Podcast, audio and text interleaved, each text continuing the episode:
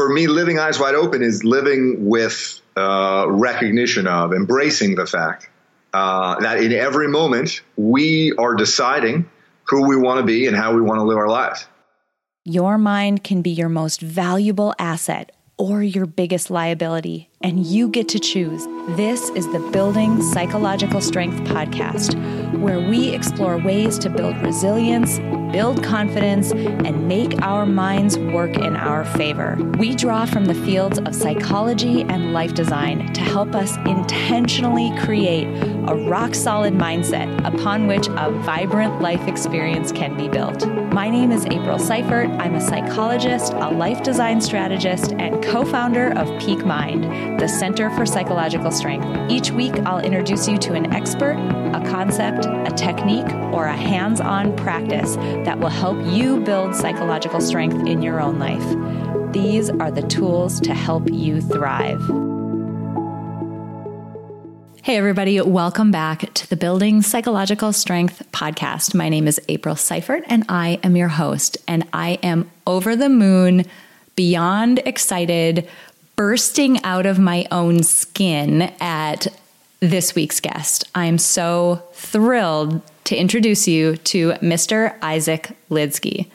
Isaac has one of the most eclectic resumes that I have ever seen. And let me just run through a few bullet points on it so you can see just how far ranging and crazy this guy's background has been. Isaac was a child television star. He was on NBC's Saved by the Bell, the new class. He played the regular character Weasel on that show. So if you remember that show, that was him. He also was a Supreme Court clerk for both Sandra Day O'Connor and Ruth Bader Ginsburg. He graduated from Harvard at age 19. He's a very successful serial entrepreneur he took, for example, an $11 million concrete subcontractor business that was hemorrhaging money. And in about five years, he took it to a $150 million construction services company. Now, all of those are incredible accomplishments that he has been able to make. He's only 40, but the reason why I stumbled upon Isaac and his work is because he wrote a book called Eyes Wide Open. You see, Isaac was born with something called retinitis pigmentosa. It's a rare degenerative disease of the retina. And from age 12 to 25, he slowly lost his sight. So he's legally blind today. And he wrote this book, Eyes Wide Open, as both you know a, a book to talk about the experience he went through when he lost his sight but also and way more so to talk about the lessons that he gained as a result of going through that life experience. It's things that hit on so many of the topics that we talk about on this podcast. It's things like radical responsibility, taking responsibility for the situation you're in and being responsible for creating the next steps and the life that you want to have. It's also, you know, a book about self acceptance and self awareness and understanding who you are at your core and what makes you tick and when you can show up as your best and what that even looks like. Isaac has this way of putting into words some of the things that are difficult to grasp, concepts that can be so hard for us to understand, let alone put to work in our own lives. And he does such a beautiful job of it, both in his book. He also has a beautiful TED talk that was viewed more than a million times in the first three weeks that it was out. So I'll link that up in his show notes page. Definitely check that TED talk out. And he does such a nice job in this interview helping us apply the lessons that he learned from his incredible life experience to something that we can all apply on our day to day lives. It's such a big deal for all of us to take responsibility for the time that we have to build the most vibrant and aligned life that we possibly can have. And I can't think of a better guest to have on the Building Psychological Strength podcast than Isaac, here to share the lessons that he's learned along the way with us. I'm so grateful that he's here. You guys, this is an immense treat. He is paid to speak all over the world in, you know, to give value like he's giving here absolutely for free on this podcast. So thank you, Isaac, for this incredible conversation. And I can't wait for you all to hear it. Isaac, it is beyond a pleasure to have you on the Building Psychological Strength podcast today. Thanks so much for being here. Thanks for having me. It's a real pleasure. We were chatting a little bit before we hopped on to record. It's common that I get to speak to people who have written you know, amazing books. It's not common, though, that I get to speak to somebody who's written a book that I have dog eared to the point that it is nearly unre- unrecognizable as a book any- anymore. So, this is just a really big treat for me. Well, thank you. That's kind. I appreciate it. So, for folks who uh, maybe aren't familiar with your work or who haven't had a chance to get to know you, just a quick intro. Um, folks listening to this, Isaac wrote a book called Eyes Wide Open. And it is just, it's sort of the, the type of book that's all things, right? It's a book about you. It's a book about your background in a, in a, journey that you've gone through personally, but you've taken it in a direction that is applicable to everyone and contains so many lessons that we can all learn and live better if we apply to ourselves. So, just to start with, I'm hoping that you can just give us a really quick overview of the book and get people excited about what's inside of it because there's so much good stuff.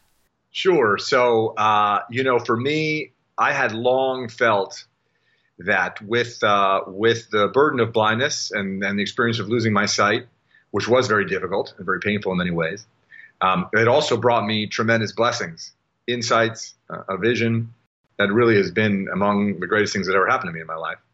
Uh, and so I long felt uh, a, need, a desire. Uh, uh, you just I, I, always knew that I wanted to get uh, that vision out for others.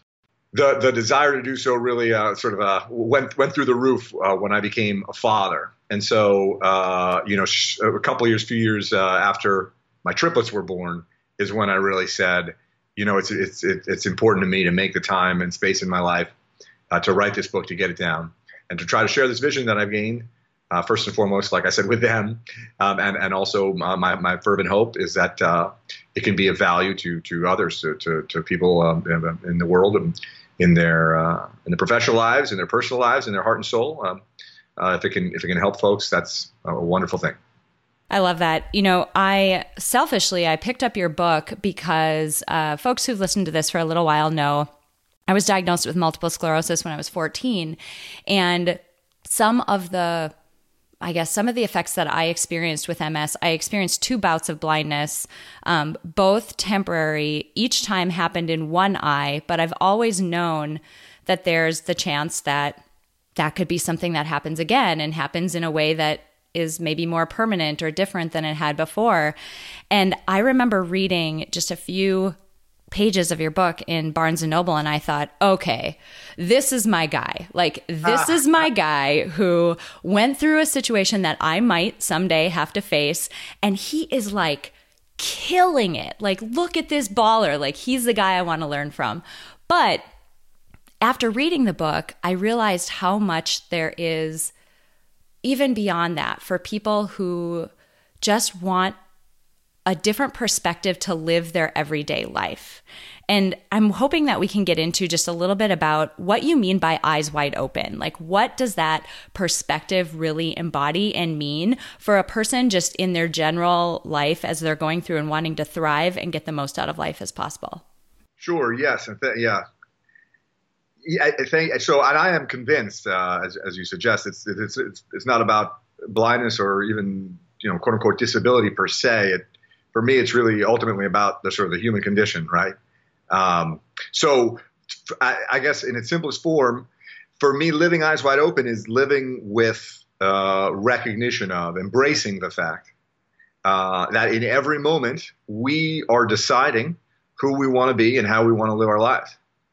Um, I think, I mean, I know that to be true from human experience. We know it to be true from uh, countless examples of remarkable people that we see uh, who transcend and thrive in, in the most awful circumstances. Um, uh, with science, as, uh, as Western science is showing us, this happens to be the case. Eastern uh, philosophy seemingly has known this for a long time. But I mean, the bottom line is um, the one thing uh, we have control over is is is our minds, right?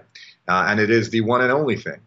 And so when you think about it that way, um, you know, it, it, can be overwhelming, it can be daunting. It, it's not easy uh, at all. It's a, it's a practice discipline. It's, it takes effort. But uh, for me, at least, uh, firmly firmly convinced that uh, you know, again, we're we're choosing who we want to be and how we want to live our lives in every moment.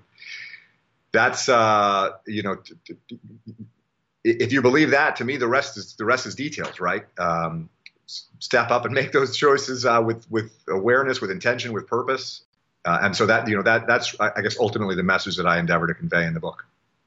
I just want to like take a moment of silence for what you just said because if again, if folks have listened to me for a long time, I love bringing people like you on because I swear I didn't pay him.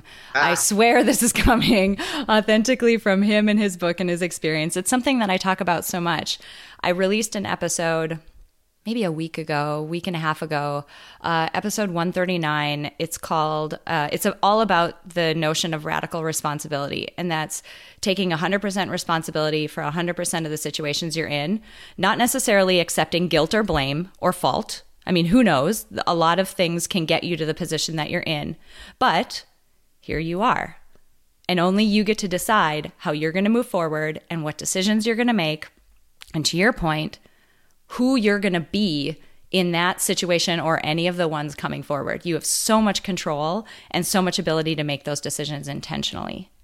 Absolutely. Yeah. And, and, you know, there's a, um, Tibetan Lama that I, that I like to follow his, his work, a man named Mingyur Rinpoche, brilliant man, but, uh, he, he, suggests that in a lot of ways, uh, one of, one of the, uh, sort of, uh, tricky aspects of this sort of human existence of ours is it, it's not that this stuff is so complicated is that it's really so simple. It's it's almost too too simple. It, it seems like it's um, uh, too too easy to be uh, to be productive, but um, but nonetheless, I think there, there you know there, there, there's a lot of progress in the idea that that uh, uh you know that it is very simple at the end of the day. Again, you know, ha- happiness is a choice. Uh, well-being is a choice. Uh, love, compassion, empathy are choices you make, and it's that simple. Totally agree. Simple, but sometimes not easy to implement. Not easy people. to do, but certainly worth the effort. Exactly. And you mentioned this being something that you cultivate or almost a muscle that you strengthen. I can imagine, and I'm guessing here, but there's clues in your book too, so I have a little bit of insider info, but I can't imagine that was always the case as you began to come to terms with your diagnosis or understand what that might lead to. I think you were pretty young when you started to experience the very early symptoms of, you know, what would ultimately lead to you losing your sight. Can you talk a little bit about before you came to all of this, before you started strengthening that muscle, what was that mindset of yours and how were what were the thoughts and the feelings that were going through you as you were coming to terms with this? Sure. So this is many ways in which, you know, it's uh we, we, tend to want to put labels on things. Was it a you know was it uh, a bad thing to go blind? Was it a good thing? Were there th- you know, things just kind of are? But so anyway, I'm rambling. I, am 13 and I, I'm diagnosed because one of my older sisters is having some challenges with her sight. You know, I was diagnosed with this disease, essentially told you're going to progressively lose your sight and go blind and this happened at a moment where, uh, you know, in retrospect, it's plain as, as, as day. I, I, didn't know the first thing about going blind or being blind or low vision at all. And yet, that is not what, uh, that's not where my mind went, right? The, the fear, uh, you know, fear is this very pernicious uh, emotion, this very sort of pernicious uh, system we have where uh, it does not abide a sort of deliberate, uh, patient response of, "Hey, I have no idea what I'm about to confront. Let me let me figure it out." No, it'll it'll it'll fill in the worst case scenario, mm-hmm. right? The awful, the assumptions, and so it, it, wasn't a, "Hey, maybe I should learn about this." It was a, "Oh my God, of course." Uh, as I lose my sight and when I am blind, you know that is going to be the end of life as I know it, and it's going to be this parade of horribles, and and you know there you have it. And I just I knew those things to be true, as misguided as they were. Then, in, in a really remarkable way, as, as, as I was saying, you know, that the experience I had losing sight was sort of itself uh, uh, what what kind of um, produced the aha moment. So I lost my sight slowly and progressively, like I said, over about a dozen years, in a way that produced all these bizarre visual effects. uh, in a way that really exposed as a illusion, a miraculous illusion, this experience we have of sight. We think that we, you know, we open our eyes and it's this passive thing. Seeing is believing. Sight is true. Uh, you know, sight is something that happens. It's just you know, in your eyeballs, and it's all that simple. Well, you know, the reality the reality uh, is completely different. I mean, sight is this entirely virtual, unique, personal uh, slice of an experience that you create for yourself, all in your mind. Uh, uh, but then you believe it to be true, fact, uh, indisputable, objective, uh, beyond your control. And and the the moment of realization for me, uh, the blessing for me, really came when I thought, you know what, sight is that's not the only thing that we just sort of make up and believe, right? In fact, you could say sight is a is a great example of it, but it's really a good way to sort of describe human existence writ large. That's what we do. We take in a lot of inputs and we put them through a database of past experiences we've had, and then we tell ourselves a million stories. We just make up stuff that we believe uh, all day, all day long, left and right. And and for me, it was just so visceral to realize that that is what the, the, the, the, sort of reality of my fears that I was living in this feeling like I was trying to squeeze as much out of my life as I could while I still had sight and race against time. And I was convinced I would never marry. I would never have kids. You know, just, it was literally just stories that I had made up and chosen to believe. Uh, and the, uh, you know, the, again, the terrifying thing is if you know when we're not aware that we're doing those that we're making those choices uh, uh, then then they're self-fulfilling um, if i had not uh, i think seen clear to take responsibility take control of my life live you know live eyes wide open as i like to say uh, i'm pretty sure that that sort of doom and gloom scenario that my fear uh, you know was was selling so hard kind of would have been my life uh, just almost by default um, and so that's the shame of it. And so, you know, for me, the, the, the what what was a very agonizing, painful, uh, long process of slowly losing my sight, ultimately towards towards the back end of it became this very liberating new perspective, this sort of glimpse of a way that I could choose uh, to live my life. Uh, that ultimately, uh, again, was was a real gift. I wouldn't trade it for anything. That is so similar. It's funny the way that the words that you use to describe the things you knew about what your future would hold, right? The things that you believed to be fact and true, that you would never get married, that you would never be successful, all of that. I had the same exact fears and, and knowledge, like beliefs that I thought were rock solid when I got my diagnosis and when I was extremely sick. Um, a lot of different uh, issues at the time, both sight and gross motor and fine motor and, and, balance. And I mean, you name it. I was kind of a mess back then. But I had the same belief system. I knew that I would yeah. never get married. I knew that no one would ever love me because I would be a burden. I sure. knew that I would never have a successful career. And you're absolutely right that we convince ourselves of these things. And I've spoken about this on previous episodes, but it relates so well here is that our minds are so incredibly powerful in that they'll goal seek for us. Meaning, if you put a picture or a goal or something in your mind that you want it to find for you, it'll do it. And that can be a terrible picture, it can be a really awful set of circumstances, or it can be a really amazing one. And that's where people don't realize that if you set your sights on something, this isn't. Um, you know, people believe a lot of different things in terms of how our minds work and and all of that, but purely from a cognitive psych perspective, if you put a goal in your mind or a vision of something that you want to achieve, your mind's just automatically going to try to find things that are congruent with that. It'll point out little details. To your point, it'll construct a vision of what your world looks like that's in line with the thing you're telling it to go find. And you get to pick what that thing is. And that's incredibly powerful. Yeah. And, it, and, uh, you know, uh, you know, it, it, it's pervasive in, in, in, it's, it's the same mechanism that tells us we're, uh, too fat, too skinny, too tall, too short, not enough of this, too much of the other. Th- you know, these are just uh, ideas, and the more the more we tell them to ourselves, well, the more we tell them to ourselves without being aware of the fact that we're telling them to ourselves, then then we start to believe them. Totally. Totally agree. Life can be so much more than simply going to work and waiting for the weekend. But deep down, you already know that. You know that life can be so much more vibrant. You know you were made for more than just passively going through the motions. You know you can thrive, but to do that, you have to start from the inside out. And that is why I'm so excited to announce that for a limited time, we're offering you the opportunity to join us in the Peak Mind membership for only $1 for your first month. That's right, $1 to join us in the full Peak Mind membership.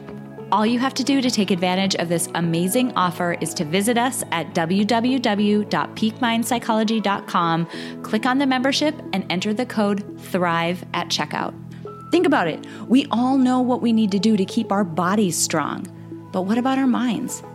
What if you had the tools to build the psychological strength confidence, and resilience to help you thrive at work, at home, and in the rest of your life? What if you made the commitment to living your life by design and not by default? All of this is possible. The goal of Peak Mind, the Center for Psychological Strength, is to help you build the mental toughness, flexibility, and resilience to thrive in your life. We draw from the fields of psychology and life design to help you intentionally create the vibrant life experience you know is possible. Through live online workshops, a 24 7 on demand library, expert interviews, and monthly challenges, our members are building the psychological strength that it takes to thrive through life's ups and downs. And like I said, you can do it too. For a limited time, we're offering you the opportunity to join us for only $1 for your first month. Just visit www.peakmindpsychology.com, click on the membership, and enter the code THRIVE at checkout. Your mind can be your most valuable asset or your biggest liability, and you get to choose. So, what choice are you making? Join us in the Peak Mind membership before this amazing offer goes away. There's a section in your book um, that I think is particularly powerful for people as they think about how to live their day to day lives. Because sometimes it's interesting because sometimes people who listen to this can come from a perspective of if I'm interviewing someone who is incredibly successful and incredibly um, you know decorated in one way or another they can say oh you know what that doesn't apply to me because i didn't have you know the the money that that person did or the connections that that person did or i didn't have the same opportunities in contrast, I've spoken to people who have gone through incredible adversity, a woman who survived the Holocaust, and people who have gone through cancer, and you name it. And people can find similar reasons why this stuff doesn't apply to me because, well, you know what? I'm not going through something that is that arduous. And so this doesn't really apply to me. But across the board, it all does. These are the basic foundational principles of what we can do to set up a life that is one that we're thriving in, whether we're in a time that's up and whether we're in a time that's down. And so I want to make that really clear for people that so much about you know what I've learned from you and from your book, it applies so much more to my day-to-day life than it ever has turned out to apply to hey, how do I think about what might happen to me with MS? One particular part of your book that I'd love to dig into is the chapter where you talk about the difference between acceptance and surrender, because it really hits home about how we about how we limit ourselves without even realizing it. So I'm wondering if you can just give a little quick blurb about what you think about the difference between acceptance and surrender. Sure. So, I mean, to me, to me, it kind of boils down to a, sort of a, a, a zealous, sort of a, uncompromising commitment to to really be honest with myself. Uh, uh when when I stray into the territory of can't, you know, versus don't want to, versus might not want to right this second, versus maybe do want to but I'm afraid uh, et cetera, et cetera, et cetera. In, in sort of the in the ambiguity uh, that we that we allow uh, in sort of swapping out what are very fundamentally different questions and different situations to find ourselves in. In, in that ambiguity, I think uh, acceptance often really erodes into surrender. Uh, I, I, can give you the example that I one of the examples I should say that I share in the book is uh, when when when Dorothy and I finally brought our triplets home from the hospital, and you know, it, you know, newborn triplets. It's, there's a lot of work to be done. diaper changing, a lot of bottles, a lot, et cetera. And you know, uh, there was a moment where, you know, I, I, sort of came close to sort of begging off, and and uh, and had to sort of catch myself, and and and and so, kind of to walk you through the sort of internal questioning that I that I go through. You know, it was uh, what I said to myself was, look, if it is the case, there is no question that being blind uh, adds a level of complexity and burden, let's say, to the task of changing diapers and bottle feeding, et cetera, et cetera. If I want to say for who I am and my priorities and what the nature of my deal is with with my wife and how she expects me, if it works out that I can be like, you know what, I'm going to beg off and I'm not, you know, uh, uh, shirking any responsibility, that's fine. Like I can be like, I'm blind. It's going to be a lot more work for me to do this kind of stuff. It's not necessarily worth it to me, or I, that's it's not my thing. And my wife is cool with it. Fine. But what's not okay is to sort of tell your to tell yourself that that's that that's kind of what you're doing. When the reality of it is, uh, as as as it was in my case, when I really you know, dug, dug down deep, the reality was that I, I, very much wanted to. It meant a lot to me. I very much wanted to be an active participant in caring for these babies, especially after the challenges we went through and getting them home healthy and, whatnot. So, you know, then it becomes, well, then why not? Well, because this is a pain and it's a burden and I'm a little worried about it. So, well, that's that's not a good enough answer, right? By the way, how many other times in your life have you confronted pains or burdens or hassles and you figure it out?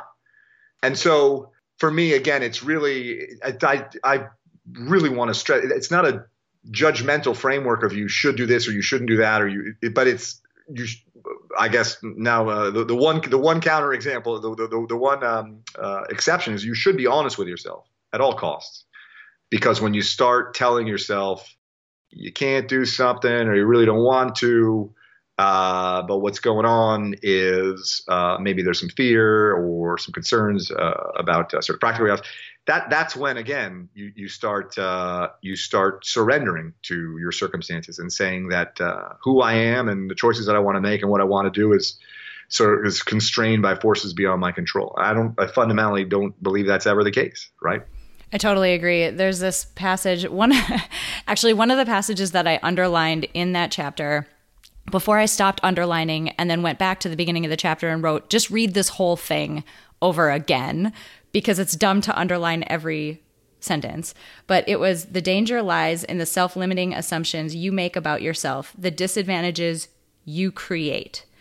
And that was powerful because what you're talking about is it's almost this this um, system one system two our automatic mind versus our more deliberative mind you're you're saying you know we can't really control very easily. The fact that our automatic mind, the fact that this reptilian side, this very old side that wants to keep us safe, is going to jump in and like loudly yell at us, like, no, this is really hard. You should just be scared and like not even try. This is too difficult. You can't do this. You can't handle it. That's going to happen. In some instances, your body, your, the amygdala, is producing the physiological response in your body. You're, you are physically responding before your prefrontal cortex has even had an opportunity to process the input. Yes. Yes. What I tell people is, you know, the the areas of your your brain, so you talk about the amygdala, right? The areas of your brain that are absolutely critical for you surviving, they have a few characteristics. They evolved a long time ago. Like historically when organisms started developing brains, they evolved a long time ago. They are also almost completely developed, if not completely developed, when we're born. So early in our lives, they're fairly automatic and they're hard to disrupt. And so the biggest example of that is the parts of our brain and our brainstem that cause our heart to beat and keep us breathing, right? Organisms ha- have to breathe, they have to circulate. So these are very old parts of our brain. They're also automatic, meaning we don't die when we fall asleep because we forget to make our heart beat, and they're hard to disrupt. Shortly after the, those areas of the brain evolved, the amygdala came in. So that fear response is extremely old and it's there almost almost the moment we're born. We have that response, that physiological response, and it's automatic versus the frontal cortex that you talked about. I mean, I don't think that's fully developed until you're 22, 23, and it's a relatively new part of your brain. We're bad at it as a species. We're not that good at it. And it does it. Our our amygdala jumps in and that's the first thing we hear and feel, but a lot of people stop there and they don't go through what you just said. Yeah, and as I, I try to explain it to myself, frankly, and my children, and it, it's like the difference. It's this fundamental uh, sort of um, flaw in our logic. We, we tend to view emotions, uh, intense emotions, really as as output uh, of us. When in in reality, they're they're meant to be at, at our best. They're inputs. They're meant to signal to uh, the part of us that makes us human, right? Uh, our, our neocortex, the, the part of us that can can they can make judgments and uh, uh, uh, resist temptations and whatnot. They're meant to suggest, hey, in the case of fear, hey, this is something that is important here. Focus up. It seems to implicate major things for you. Uh, in the extreme case, survival. As an input, that's wonderful. That's very valuable information. Now uh, you have the opportunity to take a second and stop and think about it and say, well, why am I? Why do I have such an intense fear response? Um, and with practice and with deliberation over time, with, med- with uh, I think meditation helps, but it's not necessary. But you you you you can get to a point where you can start to really learn a lot of insights about yourself. And maybe I'm reacting in this situation because it's actually triggering a memory from something that happened with someone else or in childhood or in another thing. And man, I'm so glad I took a moment to think through this because I, for a second there, almost reacted blindly in a wholly inappropriate way uh, to someone that I love dearly. Uh, and I could have done something that would have been very hurtful to them. Mm. That's what makes us human. We get to stop and think. So, you know, again, I, am rambling, but to me, emotions, they're, they're inputs, not outputs. They're, they're, they're meant to signal information to us, and then we get to decide what we want to do with them. I don't think it's rambling at all. I think it's a point that needs to be hammered home often and frequently because uh, uh we posted forever ago on our on our Peak Mind Instagram this quote that I think gets glossed over so quickly, but it is so powerful when you think about it. And it's this exact conversation. It's you don't have to believe every thought that you have. No. Every thought that your brain chucks at you, most of them are overly protective, old responses that you can take a moment and question them. You don't have to believe it immediately. Absolutely. And by the way, you can even step into embrace the fact that as, you know, as an organism, us humans, we're we're kooky, man. Uh, thoughts think themselves. I totally agree. We, we don't control the thoughts we think; they just pop into your head. So I, I firmly believe if you're in in the enterprise of trying to stop certain thoughts or change uh, it's kind of I think it's, it's it's the wrong way. You almost got to go the other direction and say, I'm going to be aware of them all and embrace them, but but be conscious about what I what I do with them. Um, but yeah, so so so thoughts think themselves, and we, we are predictably kooky, right? For example, uh, I love the research that shows you know, 95% of people will say they're above average, right? Like I love any, it like on you know math, uh, history, whatever. So it's like, well, yeah, to your point, okay, somewhere along the way, evolutionary um, psychology, whatever, it was valuable for us to, to, to dream big, be bold, uh, have a lot of confidence in ourselves. That's wonderful, but we know it's there, and on and on and on and on and on. So you know, again, thoughts think some thoughts think themselves. Emotions uh, are often thrown into the mix before we are even conscious of the circumstances that are triggering the emotions it's a wonderfully complicated mess uh, that is human consciousness. Exactly. Exactly. And it, I mean, if you can approach it with a little bit of a sense of humor, like oh, just absolutely. a little bit of a sense of humor, like, okay, that's adorable. I know we're afraid right now, but, yeah. you know, let's just start to pull this apart. And something that you mentioned before, I've been in hard situations before. I've always figured it out before. We have a hard time giving ourselves credit for that. That you figure, like all of the hard days you've had so far, you've somehow figured out a way to survive through them. You're probably yeah. going to be okay. Yeah. I'm wondering if we can talk a little bit about how this has manifested in your career because your your career has been you've got the craziest resume. Uh, I mean, really crazy resume.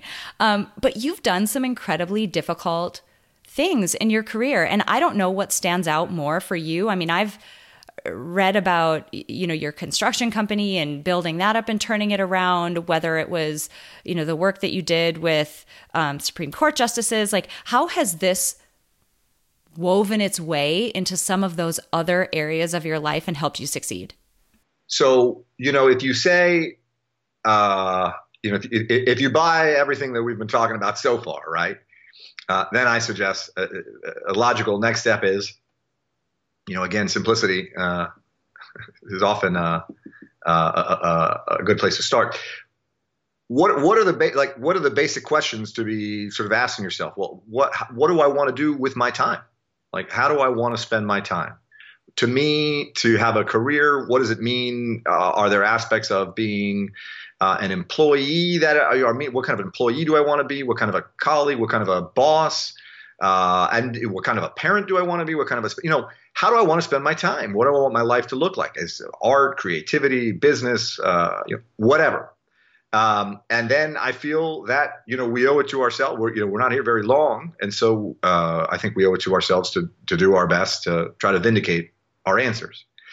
That's I'm a recovering lawyer, as you know. One of one of my chapters was, in, was maybe this is a lawyer's way of, uh, uh, uh, of of embellishing the point that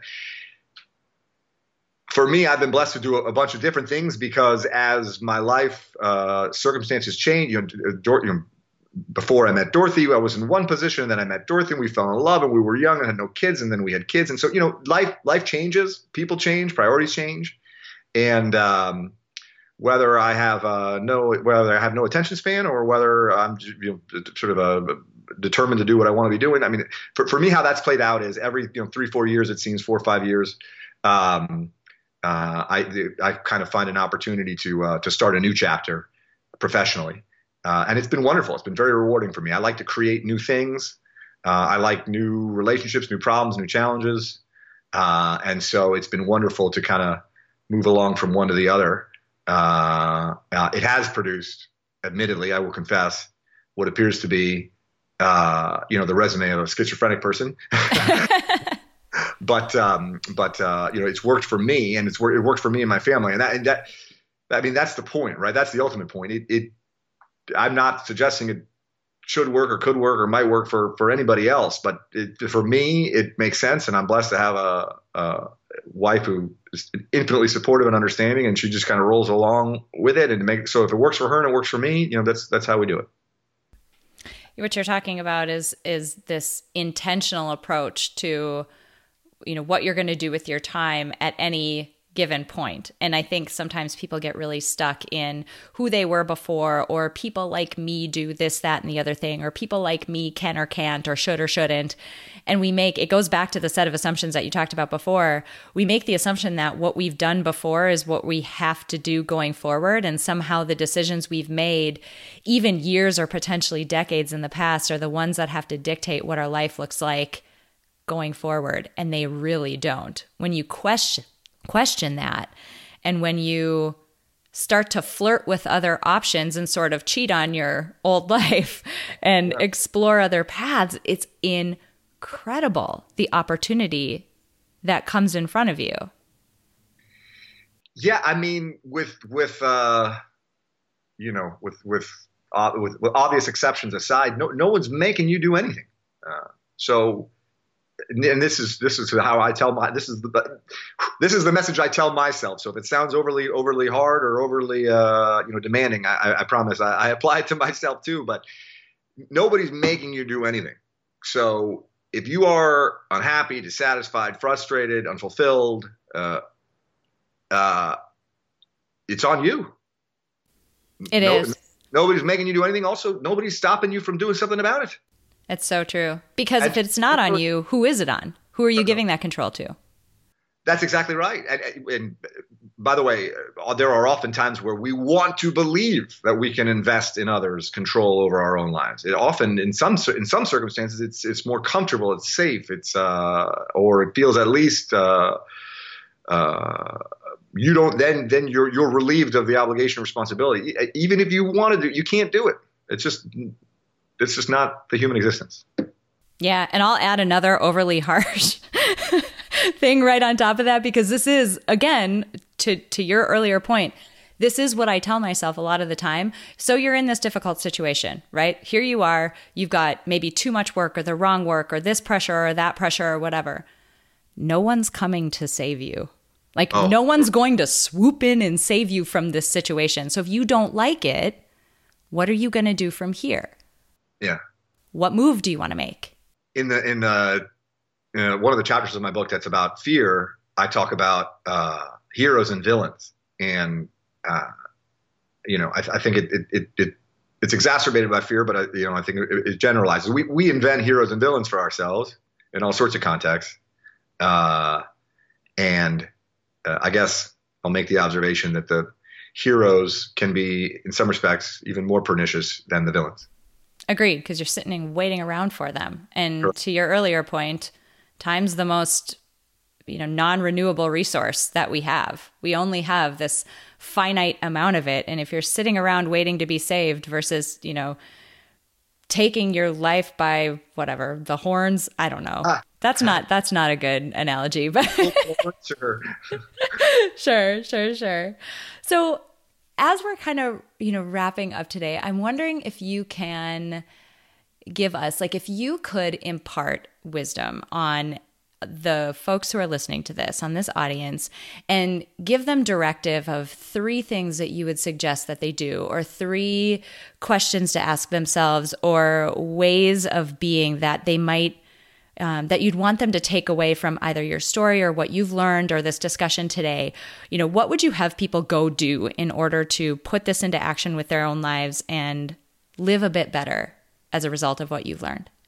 Yeah so def- definitely uh, you know the the quote unquote corny or cheesy questions that seem you know uh, quote unquote silly or you want you want to roll your eyes uh, maybe think again about that and and and go the other way and try to ask yourself those questions a lot and think about them time and time again in different circumstances when you're happy when you're not when you're at work or you know and and, and really try to understand because if you don't have a good understanding of what it is you want and what success looks like then man it, it's just there's not, it's not going to happen for you right? So you, you got to start you got to start there the second thing I would, would encourage folks to think about is uh, the idea that uh, uh, sort of the, the, true nature of our existence, right? Not to go too too metaphysical or whatever, but we have everything we need all right in our you know in, in our body between our bodies and our minds, heart and soul. We we have everything we need.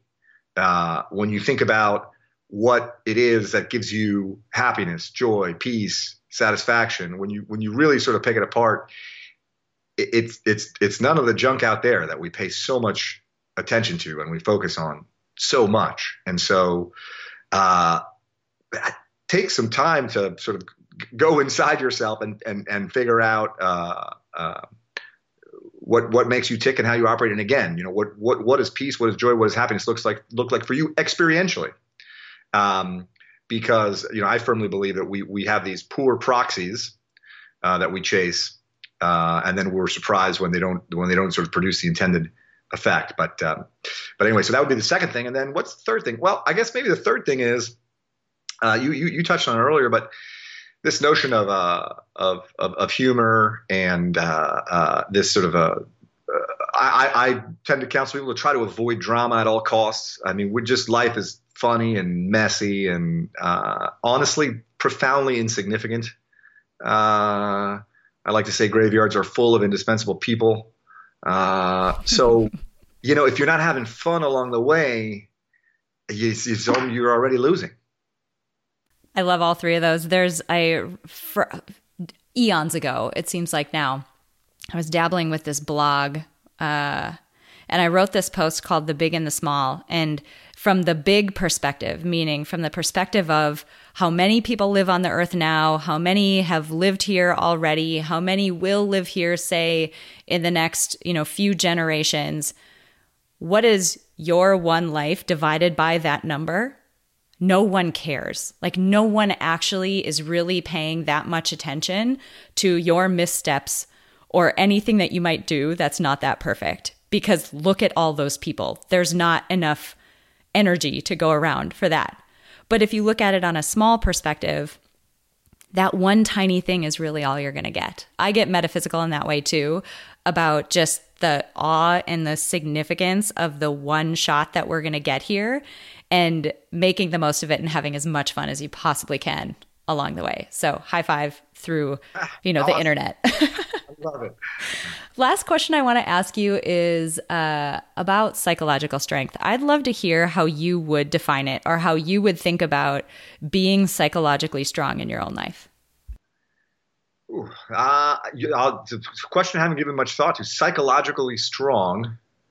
Um, you know, I, this notion of sort of self honesty, introspection, self awareness, I think is really you've got you have to start there. I don't think, to me, at least logically and in my experience on this earth, uh, uh, psychological strength must begin with uh, introspection and self awareness and honesty, and uh, uh, just a willingness to say, I am who am I, who I am, and that is okay. It is wonderful and maybe there are all sorts of other things that I've told myself for however long that I wish I was better at or worse at or different at, but I'm not. And then, hey, maybe there are all these other things that I uh, am quick to dismiss or overlook and whatever, but they bring me joy. And but I am who I am, and it's I understand who I am, and I'm okay with it. I'm wonderful with it. That's where it all starts, I think. I totally agree. This has been just a pleasure to get to chat with you, to get to pick your brain on some of these you know aspects of life that are so incredibly important and really to be able to push your book out there in another um, you know through another medium because it's just been such an impactful book that I've read for my own life. And I hope that everyone listening to this runs out and grabs a copy of it and gets just as much value out of it as I did.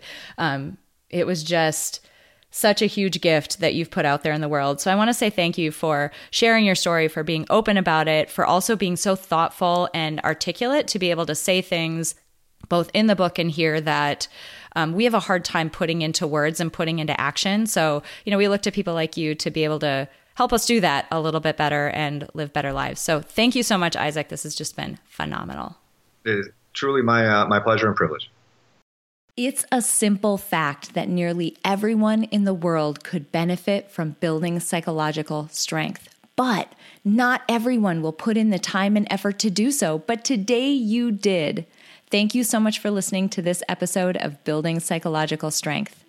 Now, if you're interested in building the mental toughness, confidence, and resilience you need to thrive through life's ups and downs, visit us at www.peakmindpsychology.com. Also, if there's someone in your life who could benefit from this episode, please share it with them.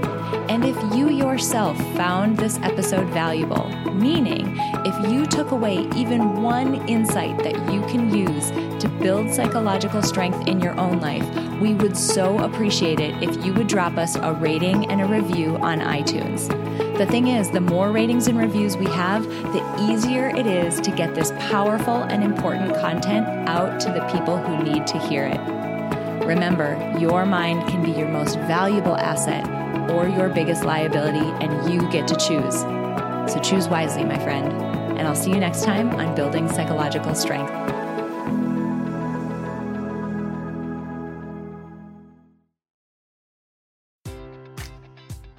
Enjoy all your favorite sports like never before at BetMGM. Sign up using code CHAMPION and receive up to $1,500 back in bonus bets if you don't win your first bet. When you register with BetMGM, you'll get instant access to a variety of parlay selection features, live betting options, and the best daily promotions in the business. And with BetMGM at your fingertips, every play and every game matters more than ever. Remember to use code CHAMPION and receive up to $1,500 back in bonus bets if you don't win your first bet. Place your money line, prop, or parlay bets with the king of sportsbooks today. BetMGM and GameSense remind you to play responsibly. See BetMGM.com for terms. 21 plus only, Virginia only. New customer offer, subject to eligibility requirements. Rewards are non withdrawable bonus bets that expire in seven days. Gambling problem? Call 1 800 Gambler. Promotion, promotional offer not available in Washington, D.C. At Parker, our purpose is simple. We want to make the world a better place by working more efficiently, by using more sustainable practices, By developing better technologies, we keep moving forward. With each new idea, innovation, and partnership, we're one step closer to fulfilling our purpose every single day. To find out more, visit parker.com/purpose. Parker, engineering your success.